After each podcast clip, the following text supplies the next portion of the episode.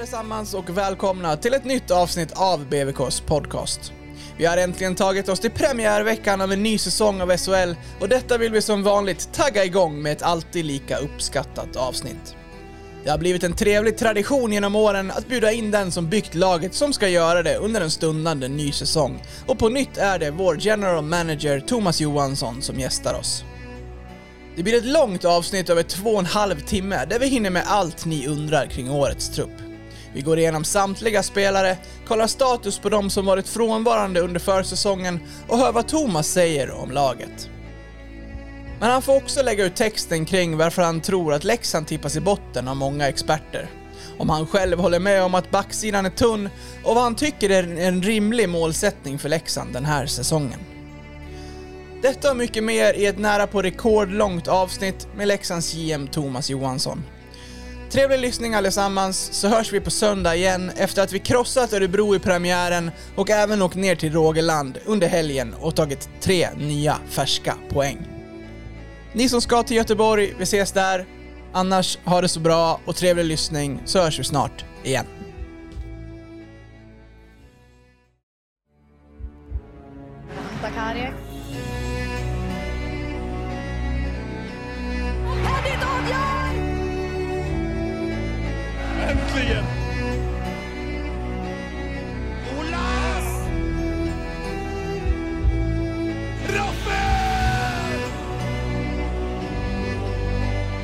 Skjuter i mål! får du vara öga för öga, tand för tand.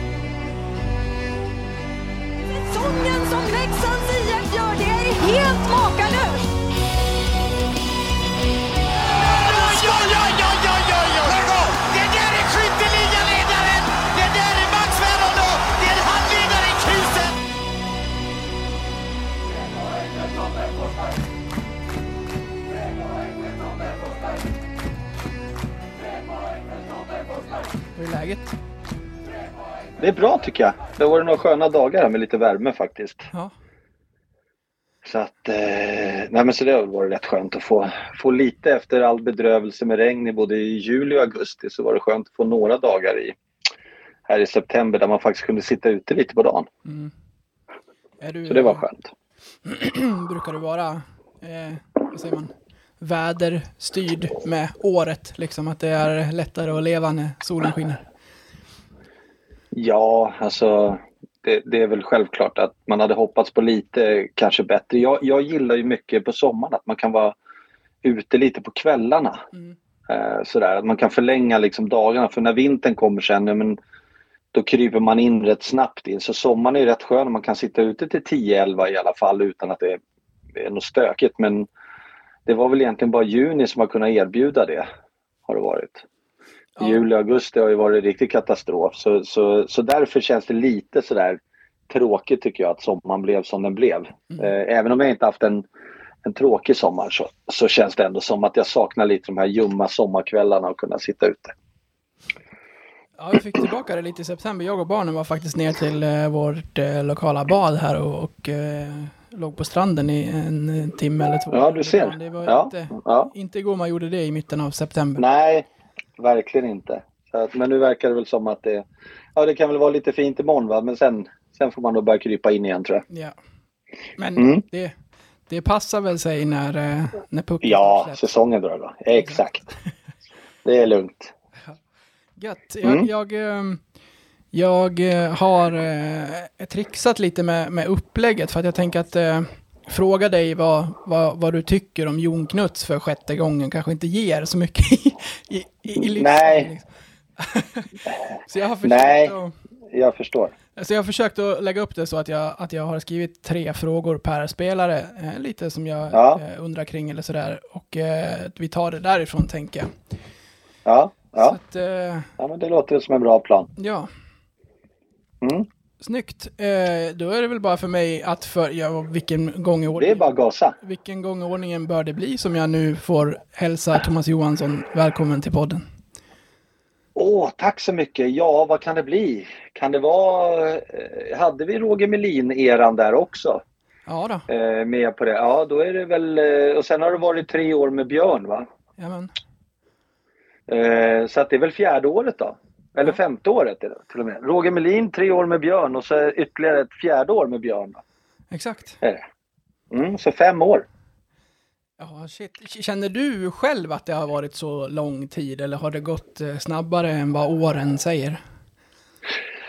Ja, alltså i grunden när man, när man hamnar, eh, eller i den positionen jag har så är ju kanske planen är ju betydligt längre. Våran resa har ju gått extremt fort, har den gjort.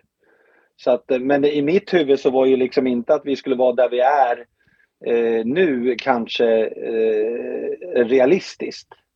Men nu snubblar vi in där och sen har vi liksom försökt hantera det så att våra eh, tankar har ju snurrat på högvarv hur vi ska liksom utveckla oss och göra oss, etablera oss och eh, investera i vårt lag och, och, spelare och sånt där betydligt snabbare än vad kanske tidsplanen när jag, när jag tog jobbet var.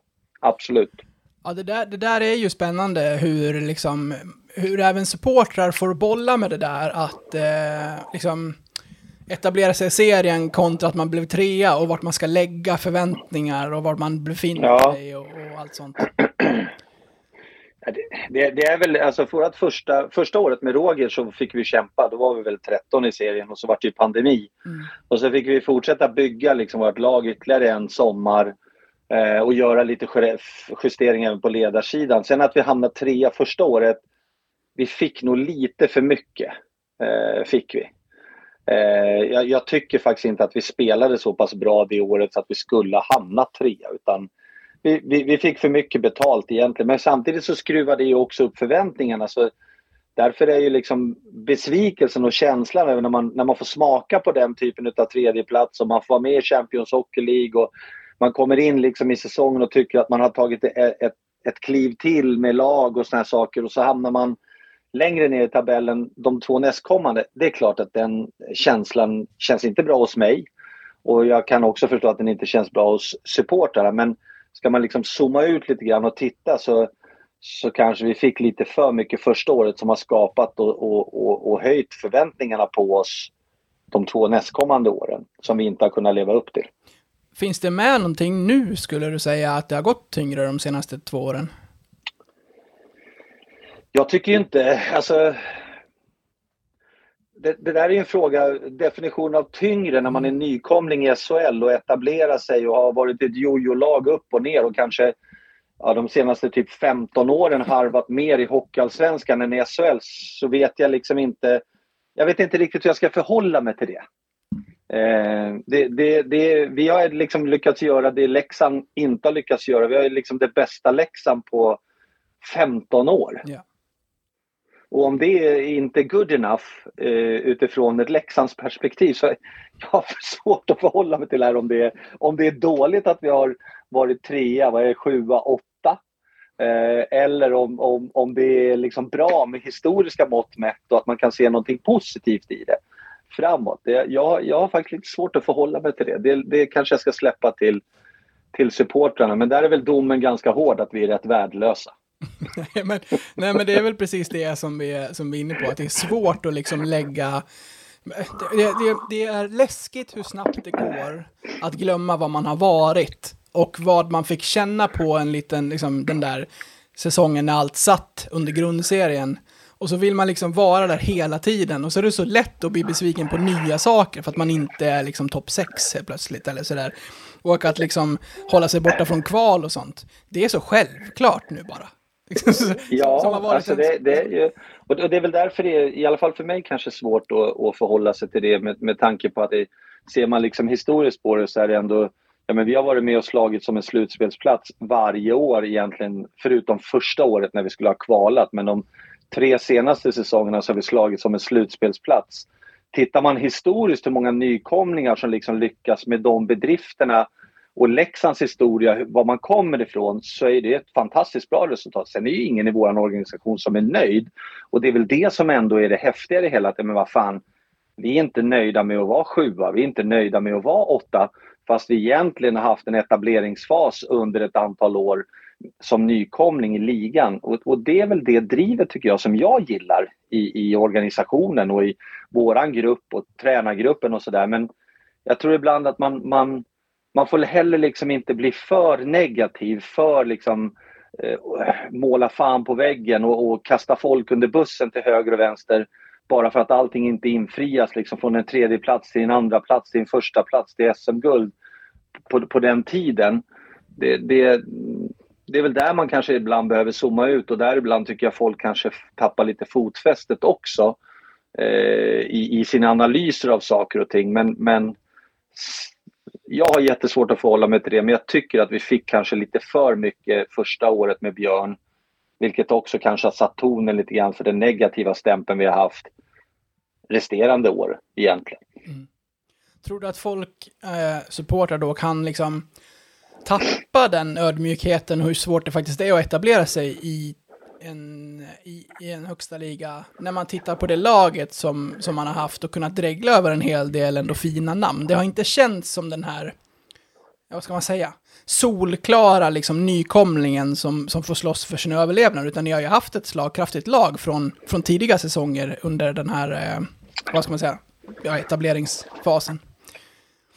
Ja, men det, det, det, är väl också oftast en, en Alltså tittar man generellt på, på sport eh, i, överhuvudtaget så är det ju de lagen som har de högsta spelarbudgeterna har oftast den största möjligheten att vara framgångsrika om man ser det på sikt. Sen lyckas man ju liksom inte varje år med de sakerna. Och ju lägre spelarbudget du har, ju större är risken att du hamnar i problem om man skulle sätta ut över kanske en tioårsperspektiv i grunden. Så, så jag vet, jag tror det var Fredrik Sjöström som sa det i, i Frölunda att våran målsättning är att alltid ha en topp 4-budget i, i SHL för att kunna ha ett slagkraftigt lag. Men om de har haft det så kan man börja räkna om de åren, hur många SM-guld har det ställt på bordet? Mm. Och det är väl lite det jag ibland tycker, ja ah, men vi har så mycket pengar och vi borde vara bättre. Ja, det är mycket möjligt. Men om vi slutar att putta in pengar och säger så här, nej men då lägger vi oss på en, en budget som är kanske lite mer än Hockeyallsvenskan då. Och så får vi se lite hur det går. Och så får vi hoppas att det löser sig.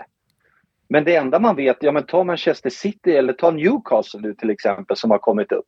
Ja men de har inte varit i närheten av de här eh, tabellplaceringarna och det de presterar just nu. Och varför är de det? Jo därför att de har någon saudiarabisk eh, fond eller vad det nu är som pumpar in pengar i laget så att de kan värva bättre spelare.